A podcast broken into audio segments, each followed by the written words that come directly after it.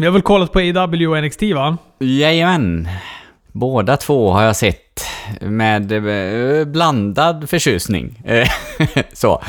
Jag tyckte stegmatchen, damernas stegmatch på NXT var väldigt, väldigt bra. Den, den gillar jag jättemycket. Den lider ju lite av samma problem som eh, tag team stegmatchen på WrestleMania, att det inte är någon publik. Den, fast jag tyckte att denna var bättre. Jag tyckte, eh, jag tyckte de gjorde det jättebra, eh, tjejerna där, så att... Eh, men eh, AEW... Eh, ah, ah, det var väl sådär. Måste jag säga. Ganska, ganska trist faktiskt. Nej men jo, nej, jag håller med. Jag, för mig, jag, jag, jag tror att jag sammanfattade AEW med Britt Bakers afton. Jag tycker hon var... Jag tycker hon var AEWs behållning. Onsdagens behållning. det var kul att se henne. Jag tycker hon gjorde en bra match. Det bästa Britt Baker-matchen jag sett. Hon äh, älskar att hon slogs blodig också. Mm. Och, och, att hon fortsatte wrestlas som om ingenting. Och sen har hon en promo där sen efteråt också. Där de bara gnidit ut blodet lite. Du mm. vet som när man är lite snorig och bara drar näven under. och snoret bara kletas ut över hela ansiktet istället. Exakt så har de gjort med blodet. Det tyckte jag var hårt. Det såg hårt ut. Mm. Jag gillar Britt Baker.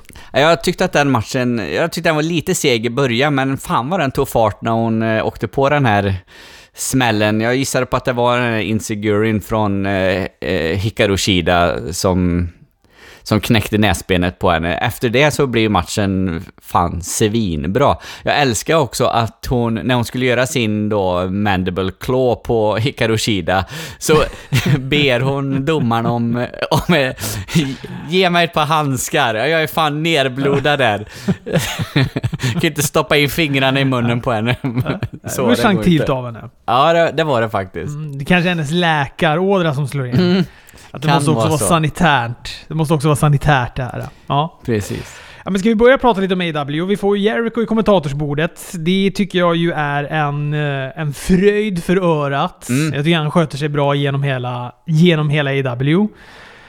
Eh, det är han och Tony Schiavone idag som, eh, som sköter, sköter, sköter den biten. Men det börjar ju då med en promo av Jake the Snake Roberts som också är jätte, jättebra.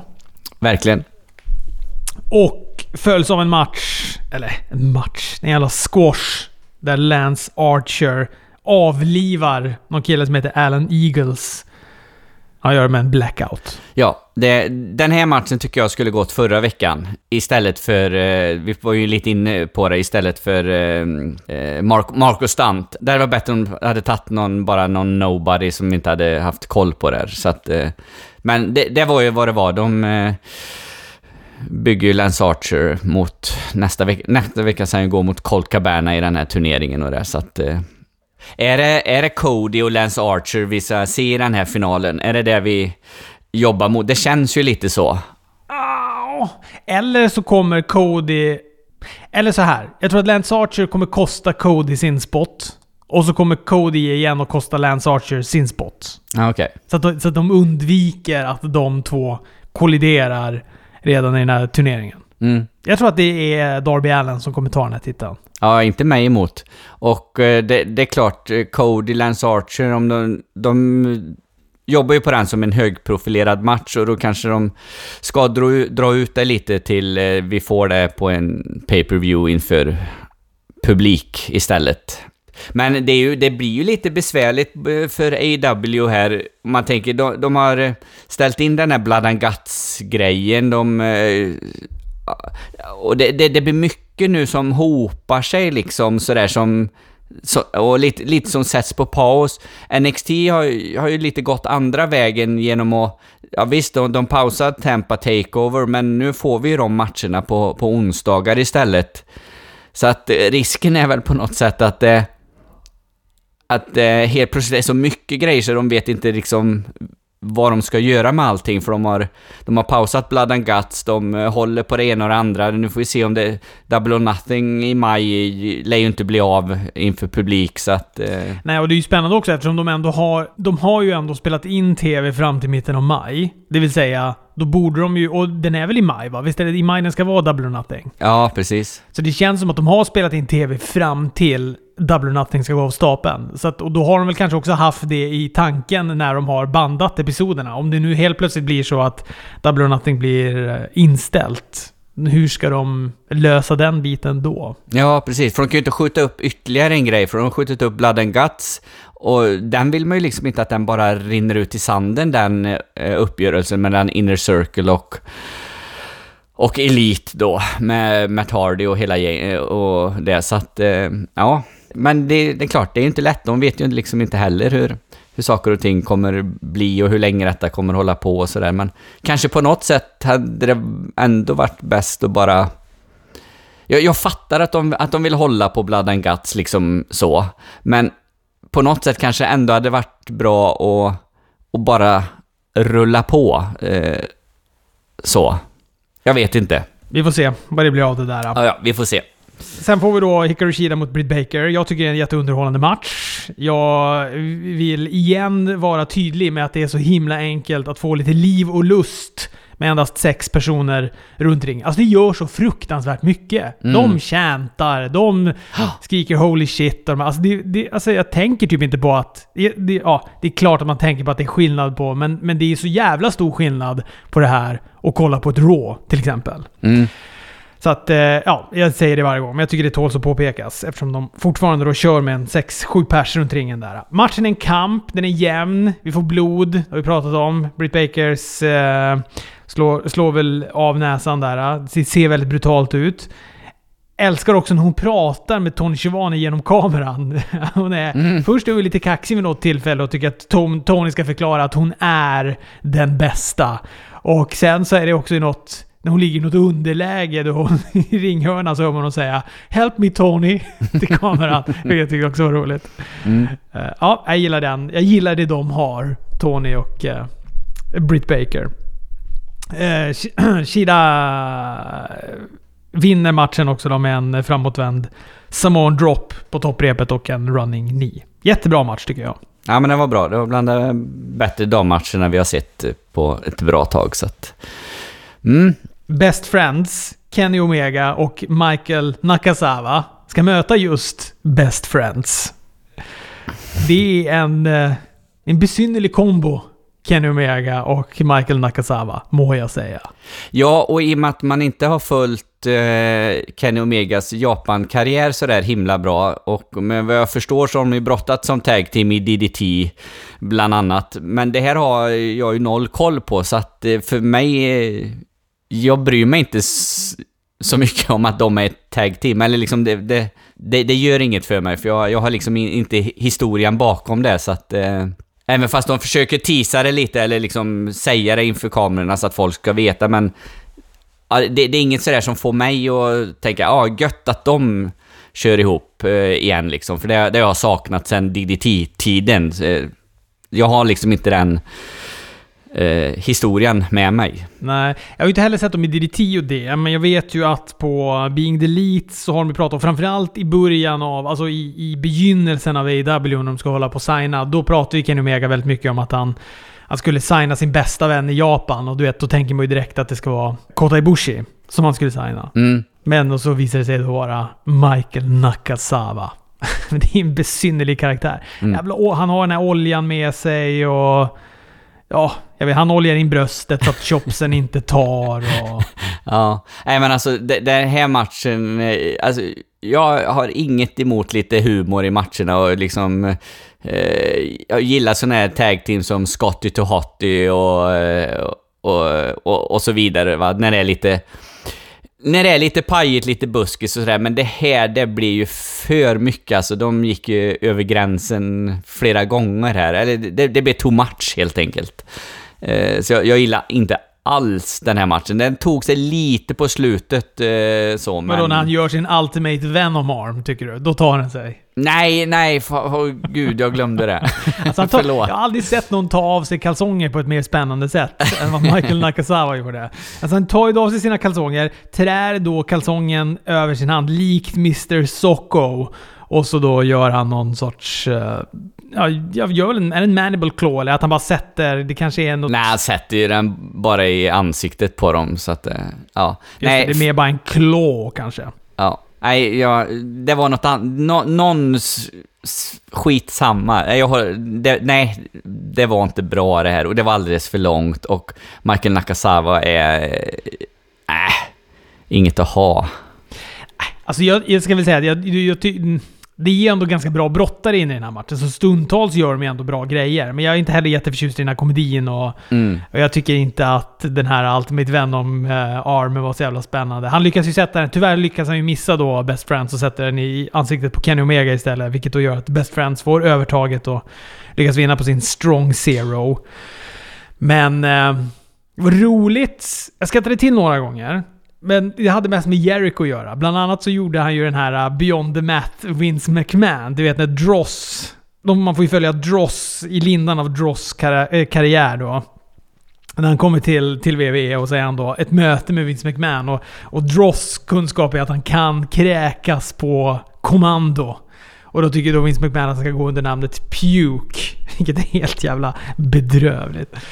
Och så vill han då att han ska demonstrera i det här uh, konferensrummet. Han ska lajva att han då kan kräkas. Han får en papperskorg och så live kommenterar Vince McMahon det då med He's got a puke! He's got a puke! He's got a puke! och den gjorde ju Jericho när, han, när Trent åkte på den här Venom, eh, Ultimate Venom-armen. Det tyckte jag var kul. Då skrattade jag gott. Fan, jag, där missade jag den referensen, men eh, ja, nu när du återberättar den så, så var ju det roligt.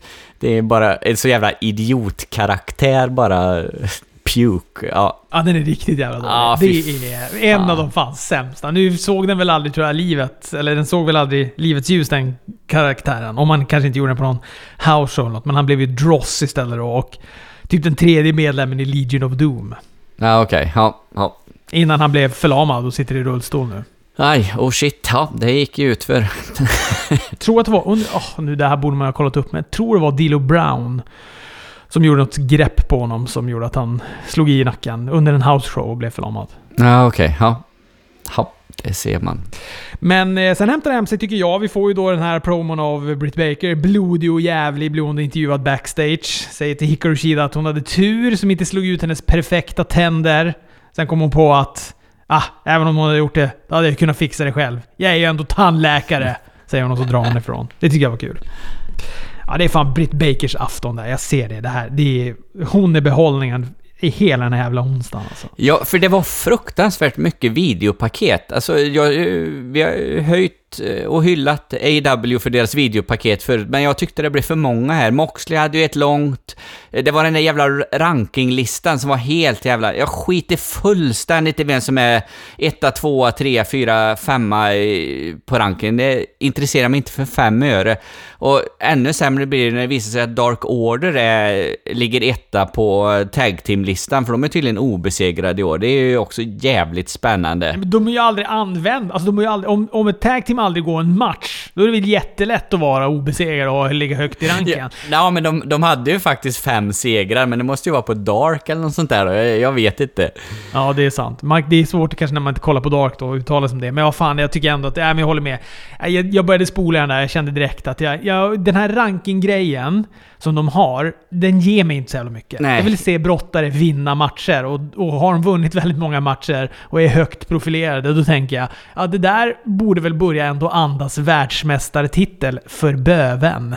Precis. Det är, liksom, det är helt okej för mig att de har det i grafiken, liksom som eh, lite så alla UFC och boxning och så. Fine, det, det, det kan de ha. Men de här listorna, nu, nu har de ju inte använt det så mycket på TV som tur är, utan jag det, de har ju postat Instagram-videos och, och så vidare, och kanske på deras YouTube-kanal och det. Och då, då kan man själv välja om man vill se det, men det är tur att man inte får se det här varje vecka, för det hade varit... Eh, men nu används det väl kanske mer som som utfyllnad för att fylla ut lite tid. Då. Men, men det var ju väldigt mycket videopaket. Matt Hardy, visserligen jättebra. Eh, Brody Lee har ju också en, John Moxley, Hager och sådär. Men det blev lite för mycket, tycker jag. Eh, så. Det, Moxley Hager då, det, och där, det, eh, pluggar de ju den här eh, MT Arena-matchen då de ska gå nästa vecka om världsmästartiteln. Mm. Och det kan jag fatta. De behöver bygga upp Jake Hager så att det ändå ska kännas lite, lite trovärdigt att han ligger och eh, att han helt plötsligt då befinner sig i en världsmästarmatch. Jag tycker ju verkligen inte att han... Eller ja. De kan gå en sån match och han kommer förlora den. Inget mer med det.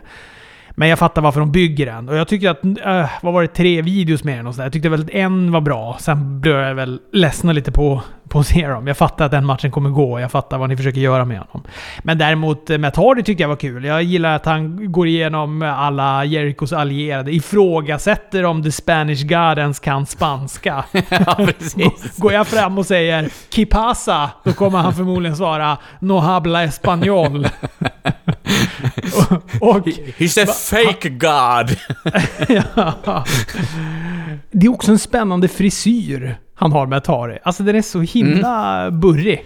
Absolut. Ja, nej men fan han är cool med Tardy. Gillar honom jättemycket. Och så han utmanade han nu då Jericho i en Ultimate Deletion-match eller? Ja, typ så. På The Hardy Compound. Så att eh, det får vi väl se när det blir av. Och visst, det är en sån där match som han har pysslat med tidigare i TNA och ja, det var väl någon i WWE också? Precis, både den då Ultimate Deletion och så den eh, mot Bray Wyatt som också var någon typ av deletion-match. Jag kommer inte ihåg vad den hette där men... Eh, ja, det är strunt samma. Men eh, visst, så, så lär det ju bli. Eh, Brody Lee slaktade Lee Johnson med en elak clothesline. Ja. Vi får sen då main eventet som är den första delen i mästarbälteturneringen. Sean Spears mot eh, Cody. Jag tycker det är en bra avslutningsmatch. Eh, så. Jag var... Jag, jag har varit lite besviken på Sean Spears. Eh, för jag tycker inte hans... Han, han har liksom inte levt upp till det här, eh, den här eh, karaktären som han skapade med The Chairman och när han gick loss på då Cody och det. Men... Eh, eh och matcher han har gått efter det har varit... Eh, ah. Men eh, jag, ty- jag tycker att han gör en bra match här och Cody gör också eh, en bra match. Så att... Eh, jag, jag, jag är nöjd med avslutningen på AW. Det var väl ingen som trodde att Sean Spears ens skulle ha en tillstymmelse till chans att vinna den här matchen. Nej. Men jag håller med dig. A for effort. De, de gav mycket. Även om jag inte tycker det här är kvällens höjdpunkt till match. Så gav de ändå mycket. Vi, vi fick lite bord, det var lite kravallstaket. Cody tog hjälp av Pineapple Pete. ja, just det. Som Jericho kallar honom. Det var någon, någon kille ringside i, i skjorta. I ananasskjorta som hjälpte Cody att hålla i Spears då när han slog på honom. Ja, precis. Det, det var jag ju lite frågande till hur alla... Eh, jag tänkte, har jag missat att detta är en eh, no DQ-match eller något sånt där? För det var ju verkligen varenda vapen man kunde tänka sig. Det var, det var kravallstaket och det var bord och det var bälten och det var... Ja, publik så att... Eh, men det, så var det väl inte eller? Utan det, det, det var bara att domaren var väldigt...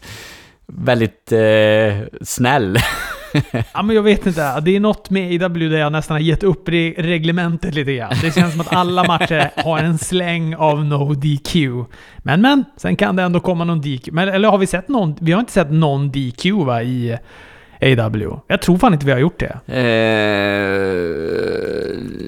nej, det kanske vi inte har. Kan du minnas någon match som har slutat med non- non-disqualification? För de har väl pratat om att de inte vill ha sådana avslut. Nu, har de ju så, nu, bryr, nu har, bemödar de sig inte ens att försöka lura bort domarens uppmärksamhet. Som de ändå gjorde någon gång förut. Nu är det bara... Nu kör vi bara med lite stolar och bord och grejer. Ja, ja, precis. Jo, nej, men det är, det är säkert, säkert sant som du säger. Jag tar inte gift på det, men det, min magkänsla säger att vi inte har sett någon no disqualification. Något DQ-slut i AW. Jag funderar på om den här Pineapple Pete inte är en riktig rest... Eh, alltså... Det är någonting säger mig att det finns en wrestler som borde heta Pineapple Pete, för jag har hört det någonstans. Så jag, jag, jag tror inte att Chris Jericho bara har sagt detta för att han har en ananas t-shirt, utan... Men, men jag vet inte, jag googlar lite snabbt här och jag, jag får inte upp någonting eh, riktigt ordentligt. Eller jag, jag får hitta något Twitterkonto på någon Pineapple Pete, eh, men eh, jag, jag kan inte säga om det är han eller inte. Nej, ja. Vi får, vi får jobba vidare med researchen. Ja, men det var uh, AW det då. Ja, det var det. Låt oss ta oss till NXT och eh, starten som är en eh, stegmatch Där då vinnaren får utmana Charlotte Flair. Som då är NXT Women's Champion. Mm. Nu säger man väl bara NXT Champion. Skitsamma. Io Shirai, Tia Nox, Chelsea Green, Mia Jim, Dakota Kai och Candice LeRae är alla inblandade. Ronaldo en, är ensam kommentator hela det här. Det slog mig precis när matchen började. Ja, men ve- vet du vad? Jag tyckte att han gjorde det. Det, det, det kan fan inte vara lätt att sitta ensam och, eh, och hålla låda i en och en halv timme. Och göra det med någon slags innehåll. Men jag tyckte att han var... Att han inte var riktigt så fram... Även fast han sitter själv och pratar nu i en och en halv timme, så var han inte alls lika framträdande som han är när han har Beth Phoenix och, Nile McGuinness vid sin sida. Utan han, han kändes lite mer... Han kändes lite lugnare, det var inte riktigt lika mycket de här popkulturella referenserna som det känns som man nästan eh, tvångsmässigt eh, ska ha med hela tiden. Eh, utan han liksom, han, han förkla förklarar vad som hände i ringen och, och sådär. Jag tyckte fan det var bra för en gångs skull med, med, med Mario Ronaldo, så att eh, han kanske ska vara själv. Ja, det kan, två, två saker kan det ha att göra med. Ett, att han inte behöver konkurrera om något utrymme. Och då kanske känner att han inte behöver köra i 180. Två, är också att han inte var där live och kommenterade det här. Utan det här bandades i efterhand, i efterhand hemma, hemma hos honom. Ja, det, Så det kanske också gör att han, när han sitter där live och är eh, i stundens hetta.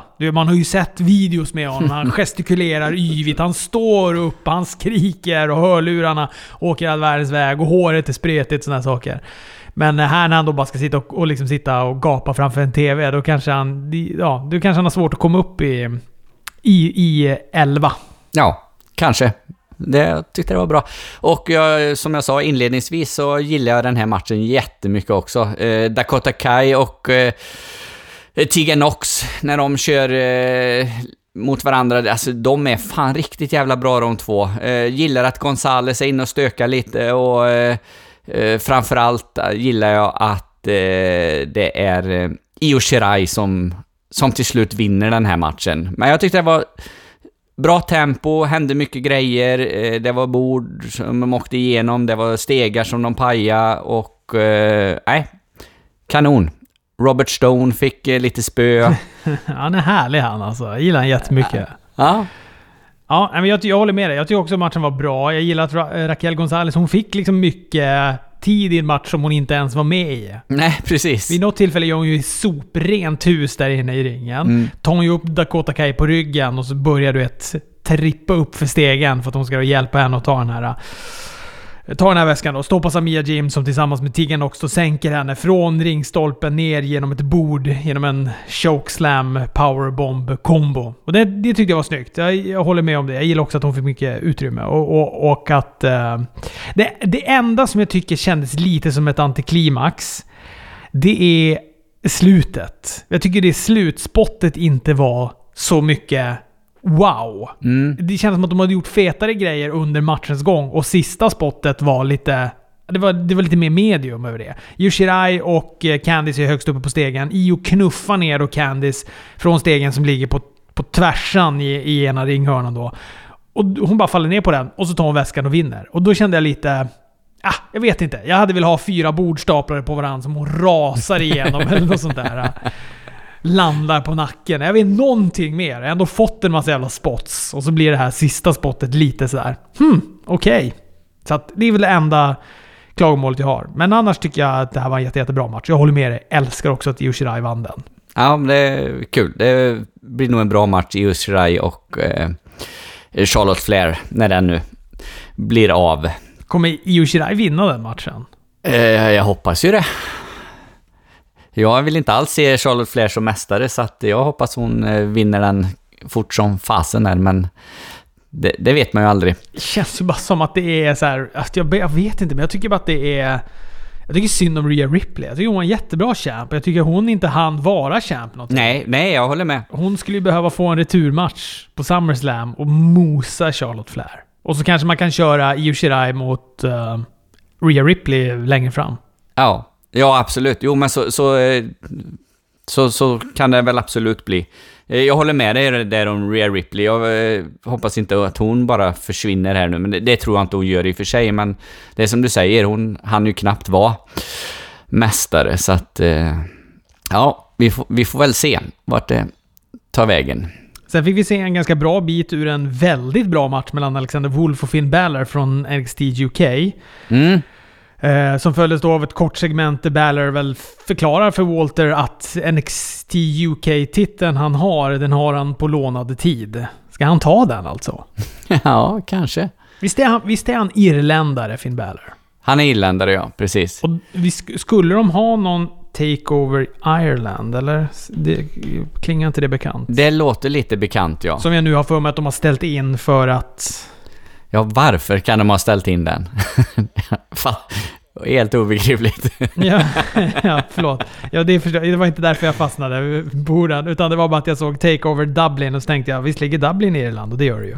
Jajamän, Eh, det gör det ju. och den skulle ha varit 26 april. Ja, okej. Första NXT UK Takeover outside United Kingdom. Ja, okej. Där hade han ju förmodligen tagit den eftersom han är hemmason och alla de där grejerna. Eller också att han inte tagit det för att han var hemmason. Är inte det en liten grej i VV att man ska förlora i, en, i sin hemstad och sådär? De har ju massa sådana här eh, konstiga oskrivna regler som jag bara stör mig på bara för att... Ha, ha inte de jävla reglerna för det är, då, då vet man ju att det är... Att de, att de aldrig kommer vinna. Ja, nu är vi i Charlotte, eh, North Carolina. Alla brottare härifrån, de kommer förlora som fan ikväll. Nej, dumt med massa sådana grejer. Tycker jag. Du, sen får vi de här Indus Shear som möter då Everrise. Indus Shear, de som gav sig på Matt Riddle här för någon vecka sedan, eller om det var två. Eh, vi pratade lite om dem. Ah, jag vet inte, jag är inte alls tänd på de här två. Nu hade de ju också lite chans att visa upp någon typ av brottning, men ah, jag tycker inte de gav något vidare intryck den här matchen. Nej, och det är förvånansvärt lång match. eh, Det här för en gång skulle jag som hatar korta matcher. Nej, det gör jag inte, men alltså ibland så har de, fyller de ju givetvis en funktion. Men här tyckte jag väl att de kunde kortat ner denna matchen avsevärt. För dels var det inte så bra wrestling och de här Everrise var ju rätt pisstråkiga också, så att... Eh, vi får väl se när de... Det, det är lite mer spännande att se dem mö, möta ett, eh, ett team som Matt Riddle, Pittan eller eh, Oni Lorcan och Danny Burst till exempel. Då, då ser man väl lite mer vad de, vad de går för. Men stundtals tyckte jag det här kändes eh, taffligt. Från båda, båda lagen. Det känns som att de försöker göra... De vill hitta något nytt AOP tag team som de kan ha i, i NXT. Alltså stora, biffiga som kör över. Men ja, imponerade inte. De hade ett snyggt avslut. Backbreaker, elbow drop kombination. Avslutade under den här. Scott Parker med i alla fall och vann matchen. Det var lite kul också, Mario Ranolli, och nu om du, som du säger, att han har spelat in detta då i efterhand, men ändå är det ju märkligt att han refererar till eh, one of the wrestlers in Everrise två gånger när eh, någon utav... Eh, han, han kommer liksom inte ihåg namnet. one of the guys in Everrise eh, gets body slammed. Jag kommer inte ihåg exakt vad han sa, men... Eh, Det betyder, det- förklarar, det är väldigt tydligt hur mycket, eh, vad är det för status det är på Everrise. Ja, precis. De be- bemödar sig inte ens att lära sig vad de heter. Scott Parker, heter inte den andra någonting med Martell? För att jag vet att jag tänkte, är han släkt med Rick the Model Martell som är en av mina gamla favoriter? Eh, nej, han heter Matt Martell och jag googlade detta för jag tänkte det är samma sak som du, men eh, eh, de heter något helt annat båda två brottarna och, eh, och hade något annat tag team namn innan också så att eh, jag tror inte... 3.0 eller något sånt där hette de innan. Ja, just det. Jag tror inte att de är släkt alls, utan han har väl bara tagit det från... Han kanske var Martell-fan helt enkelt. Mm. Eh, vi får eh, också reda på att det kommer bli en cruiserweight eh, turnering framöver. Eh, det har väl också då med Corona att göra givetvis, att Jordan Devlin som är mästare, han är väl fast i, i Storbritannien eller något, så att han inte kan försvara detta, så att eh, vi får en sån turnering. Det här tycker jag är konstigt. För så jävla mycket betyder inte den här titeln. Det har gått så himla bra för NXT i så många år att inte ha en cruiserweight-titel. Men att de nu helt plötsligt känner att de måste ha en, så de måste göra en turnering för att hitta en tills vidare cruiserweight-mästare. Nej, ja, det där tycker jag. Om Ah. det inte är så att man har en väldigt långt gående plan, att det ska vara då att Jordan Devlin sen kommer vara undisputed cruiserweight champion, att de ska då gå en, en stegmatch för att unifiera de två och då kröna den riktiga cruiserweight-mästaren då. Det är väl det som jag då kan tänka skulle kunna vara en, en, en acceptabel ursäkt. Annars tycker jag att det är konstigt. Mm. Nej men det är väl precis så det kommer vara, att när det här har eh, lugnat sig och det har gått, går tillbaks till någon slags vardag igen och vi får wrestling så som vi, vi vill ha den, då kommer ju Jordan Devlin givetvis att eh, utmana den som vinner den här turneringen och så får vi en, en match. Det, det, det här är väl klassisk, eh, klassisk UFC och boxning eh, taktik. De, de gör ju så också där, eh, sån här interim-mästare, mm, då, en, en mästare emellan då liksom för att den som har bältet egentligen är kanske skadad eller borta av någon anledning. Eh, de, de kunde ju lika gärna gjort en number one contender-turnering egentligen. Men det här blir väl typ samma sak, så att... Eh, eh men inte mig emot att det blir cruiserweights på, eh, på NXT framöver. Det finns många bra cruiserweightare och de matcherna brukar vara fartfyllda, så att... Eh, eh jag, har, jag har egentligen inget emot turneringen, men jag hör vad du, vad du säger. Han kunde gott haft bältet Devlin Eh, precis som alla andra har bältet, för det är ju inte många som kommer försvara dem ändå under den här perioden. Så att, eh, ja, ja. Sen får vi main eventet då. Gargano mot Tomasa Ciampa. Denna takeover-match som då tar, tar plats. En vanlig hederlig Mora-onsdag. Det är en tom byggnad med endast industriljus och bakgrundsmusik. Där sitter Triple H. Det startar i den här ringen. Det slutar i den här ringen. När jag går ut genom dörren, då startar matchen, säger han. Och så lämnar han den. Och sen följer då en eh, mastodontfilmsmatch. Alltså var den 40 minuter eller något sånt? Jag, jag såg USA Network-versionen av det här. Och när den började, då tror jag det var lite mer än en timma kvar av programmet. Och jag tänkte, den här matchen kan omöjligt vara en timma lång. Men det kunde den, Fredrik. Den kunde vara en timma lång, eller om det då är 40 aktiv wrestling. Vad det nu är. För långt var det i alla fall. Alltså, jag har så mycket grejer som jag kan, vill pissa på den här matchen med, så att eh, var, var ska jag börja tycker du? Jo, jag, ja, men jag, jag, börjar, jag börjar så här. Vad, vad sa Triple H för några veckor sedan? Han sa till dem att jag ska hitta en lokal där jag ska ställa en ring och ni ska göra upp. Vart hittade han den här lokalen? Jo, han gick ut genom dörren på Performance Center, gick in i byggnad 2 som stod tom och ställde in en ring. Eh, vad är det för... Alltså jag blir så jävla sur när jag För man såg ju det, de hade ju inte ens försökt och liksom få detta att se ut som att det var någon annanstans. Den där jävla lastbilen står utanför, Candice LeRae kommer åkande och ger vad vi nu, eh, någonting då till Gargano som sen visar sig vara ett, ett jävla pungskydd. och, och, Jag satt och funderade på så här, vad är det adekvata ordet för det där? Det är väl en suspensar, men pungskydd, just det, det, var, det är så man kallar det när man spelar fotboll. Ja. Har du pungskyddet med dig? Ja, precis. Och sen går de in i, i byggnad 2, det stod väl typ så här. Eh, building B eller ja, någonting stod det. Alltså jag, jag blir så jävla irriterad redan där. Och sen, alltså, sen var det som du säger, den var alldeles, alldeles för lång. Varför använder de den här lastbilen precis som de gjorde i Randy Orton Edge? Det är liksom, hallå? Har vi inte sett detta två brottare uppe på en lastbil bara för några dagar sedan? Använd inte det igen. Och kanske det värsta utav allt, den där förbannade trickfilmningen utav eh, eh Air Raid-crashen ut. Det är så jävla idiotiskt att göra det. Det är så oerhört jävla korkat. Och så avslutet var ju pissedåligt också när hon pungsparkar Gargano och sen, och sen plockar han fram Ja, titta, jag hade pungskyddet på mig. Vi lurar dig, haha. Ah, gud. Nej, Jättetråk, jättetråkigt för eh, dels hade jag sett fram emot den här matchen och jag tycker ju både att Gargano och Champa är skitbra och så blir det en sån här jävla pissematch. Ja, alltså jag tycker så här. De ger järnet och det, det är ju en del coola grejer också. Det tycker jag att det är. Men eh, jag gillar ju också till exempel, jag älskar när de blottar ringen. Du vet när de strippar den ner till fucking jävla trä. Då känns det så stenhårt med de där ringarna helt plötsligt. Man tänker ju att det är så här lite plywood och, och mjukt och, och, och, och fjädrar som gör att det där landar man väl rätt skönt på så låter det lite grann. Men när, de, när det där trät kommer fram och jag bara känner hur, hur jag får fliser i händerna av att bara titta på det. Då tycker jag det känns... Då gör allting så mycket ondare. Eh, och jag tycker också den här, jag tycker den här matchen var bättre än Edge mot Orton. Eh, det tycker jag. Men den är för lång. Och hade det nu varit så, jag tror att de här hade kunnat gå en Iron man match med en publik och i en ring utan problem. Och man hade tyckt att den var bra. Om du vet, om de, att det är så att de, de vill åt den här längden. För det är ju två bra brottare så här, men det är det här formatet som inte gör sig bra för så här långa matcher. Det var jättetydligt med Edge mot Orton.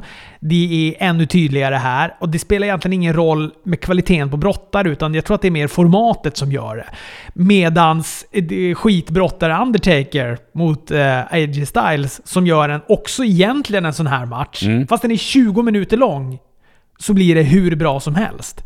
Så jag tror att hade de bara tajtat den här, äh, klippt ner den så att den var en 20 minuter istället, mer likt Boneyard-matchen, då tror jag att man hade tyckt att det här var en ganska bra match ändå. Sen håller jag med dig, slutet är lite snurrigt när hon då, Candice LeRae, det är som att hon, hon är face, för jag ser det också i början där när hon, du vet, när hon droppar av då Johnny Gargano och ger han då det här paketet. Som jag tänker så här, vad är det där? Det är någon brun påse. Det ser ut som att, hon, att han får en bit kött. Du vet, han har varit i någon så här...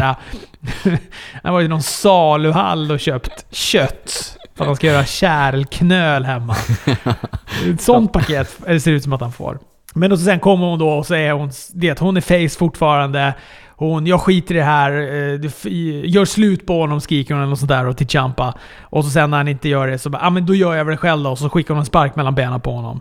Och så sen så visar det sig då att han hade det här... Uh, vad kallade du det? Pungskydd.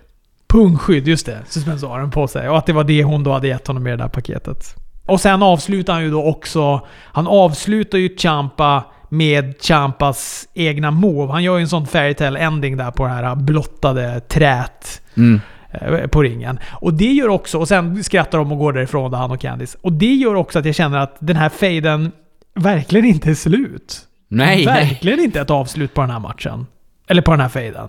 Ja, nej, jag tycker inte ens att hon skulle komma tillbaks eh, här. För, och det, det blir också lite konstigt, för vi har sett henne i en stegmatch där man tänker att hon fortfarande är face.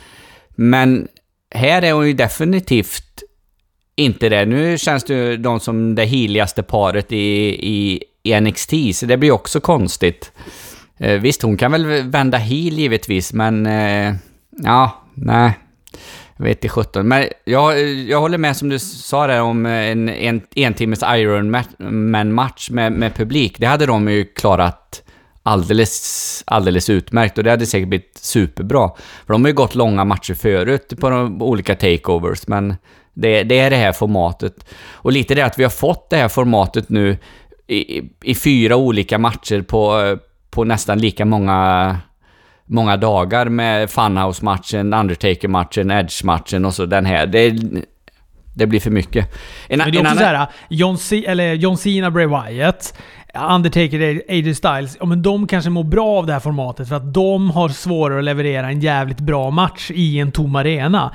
Men vad fan, Gargano och Tommaso Ciampa, är det några jag skulle lita på skulle kunna göra en lång, väldigt bra match även i en tom arena? Bara att de ba, bara av sin, sin eh, brottning. Eh, är det några som skulle kunna lösa det så är det ju dem. Mm, absolut. Sen, en annan grej som jag störde mig på det är att, alltså du, nu var det ju väldigt långt kvar, men de har 30 minuter kvar på programmet säger vi. Eller 20 minuter plus reklam. Varför göra en 30 minuters match där man så tydligt ser att de fortsätter brottas och så klippa bort vissa delar? Precis som att det vore live. Eh, eh, nu har de ju chansen att visa hela matchen. Eh, alltså visa matchen och så blir det reklamavbrott och sen när vi kommer tillbaka för en reklamavbrott, då är vi på samma position som vi var när vi gick till reklam. Jag förstår inte varför det ska försvinna 3-4 minuter däremellan, när de ändå spelar in det. Men hur menar du? Gjorde de det nu eller gjorde de inte det? Jag såg ju det här med reklam, så jag kommer inte ihåg. Jo, men Jo men alltså det, man ser ju det när, när de går till reklam så är de på ett ställe i ringen. När de kommer tillbaks så är de ju inte på samma ställe. Då har det ju hänt saker som inte man har fått se. Och jag fattar att de gör så när det är live, och för, för live-publikens skull. Men nu när det inte är live och de kan klippa ihop det, då behöver de inte göra... De, de behöver liksom inte fortsätta wrestlas när ändå ingen kommer se det. Det är väl någon Eh. känsla av autenticit, autenticitet kan jag tänka mig. För jag, jag vet att när jag kollade på... Det var ju väldigt tydligt på AW. För där var det någon som skulle precis gå in i ringen och så gick det reklam och så när man kom tillbaka så då rullade brottaren in i ringen. Jag kommer inte ihåg vem det var som gjorde det. Eh, och då tänkte jag så här, ja, där har ni verkligen bara gjort ett cut. Och så sen har ni tryckt på play igen. eh, Eller vet, klippt in det igen efter reklambreaket. Ja, ja, skitsamma. Men du, jag tänkte inte på det själv. Och jag vet inte om du tänkte på det. Men på Wrestling Observer Radio så pratar de om att... Nu är jag tillbaka då till Gargano eh, Ciampa-matchen här. eh. Mm. Att när de, när de har avslutat matchen och Gargano och Candice LeRae tar och sätter sig i bilen och kör därifrån. Då ser man en annan bil stå parkerad på, på eh, parkeringen där. eh, Där det sitter två och stirrar på dem. Och att det då ska vara Killer Cross och eh, Scarlett Bordeaux. Okej, för jag spolar tillbaks det nämligen, för jag tyckte det var så himla konstigt att det, att det var så. Jag tänkte, är det någon idiot som har parkerat här som, eh, som inte ska stå där? Men jag... nej, nej, men jag, jag spolar tillbaks men jag kunde inte se på, eh, på skärmen vilka, vilka det var. Men eh, det ska vara dem då. Och då ska det väl vara i sådana fall att man flyttar fokus över dit då. Att nu kommer det vara en fade mellan Killer Cross och Johnny Gargano. Eller Killer Cross och Scarlett Bordeaux mot eh, Johnny Gargano och Candice LeRae då. Ja, Såg du nu i de här videorna att det är Killer Cross? ja, nu såg jag det. Denna, denna veckan var jag mer uppmärksam, så att eh, jag såg att det var Killer Cross, yes. Så då är det ju den stora frågan, vem är hackern på Smackdown? Det kanske vi får reda på ikväll, eller i natt. Ha inte för höga förväntningar Fredrik. Ha inte för höga förväntningar. Nej, det ska jag inte ha.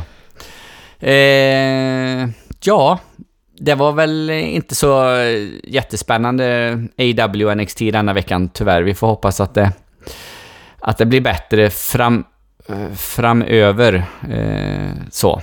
Är det något mer du vill säga? Eller ska vi tacka för oss och återkomma på torsdag istället? Så gör vi. Då gör vi det.